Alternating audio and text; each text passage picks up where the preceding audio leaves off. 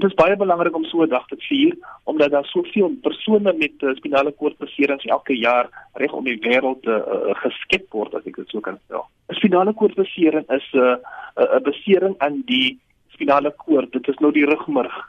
Die die die ruggraat gewoonlik 'n nek of 'n rug besering.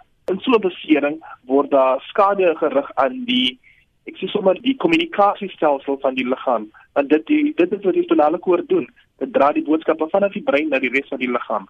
Nou wat is die tema van jaar? Die tema is yes we can. Dit begin toe in die feit dat mense met spinale koordbeserings na hulle 'n goeie kwaliteit uh, rehabilitasie ondergaan het, dan hulle nog steeds kan vier die opportunities wat hulle het en dan ook sodoende 'n uh, volvullende rol binne die gemeenskap kan speel.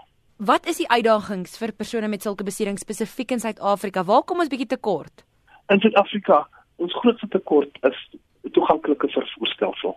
Want dit sny jou af as jy nie vervoer het nie, kan jy eens 'n onderhoud vir 'n werkgeleentheid bywoon nie. Dit is hoekom ons baie trots is om soos met Uber, met Uber het ons nou 'n ooreenkoms, ons het hulle 'n bietjie inligting gegee om daardie om nie net die app toeganklik te maak nie, maar ook die voertuie ook. Rywen, jy het self so 'n besering. Vertel ons 'n bietjie meer daarvan. Wat het gebeur? Ek self was betrokke in 'n motorvoertuigongeluk wat is 17 jaar gelede. So ek het al bietjie oor dit. Ek het ook uh, uh, geleer om om om om te deel met dit. Maar soos nou, ek moes nou uh, my rolstoel uit my voertuig het al oor my liggaam lig en die wiele aansit sodat ek kan in die rolstoel klim en dan in die kantoor inkom. Wat was vir jou die grootste aanpassing geweest?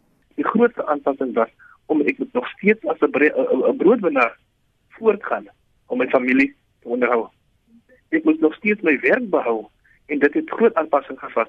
So ek moet eers deel in deel met die fisiese dinge wat gepaard gaan met so 'n bestuurbestering en ook die emosionele gedeelte daarvan. Het mense anderste opgetree 17 jaar terug toe jy nou weer terugkom by die werk in 'n rolstoel? Natuurlik, natuurlik. Mense het nie geweet wat om te verwag nie. Mense het nie geweet hoe om my aan te kyk nie. Hulle het nie geweet wat om te doen nie. Hulle het gedink hulle moet nou hulle hande uitsteek om my te help. So aan en die grootste hindernis vandag nog is dat mense nie weet wat om te verwag nie.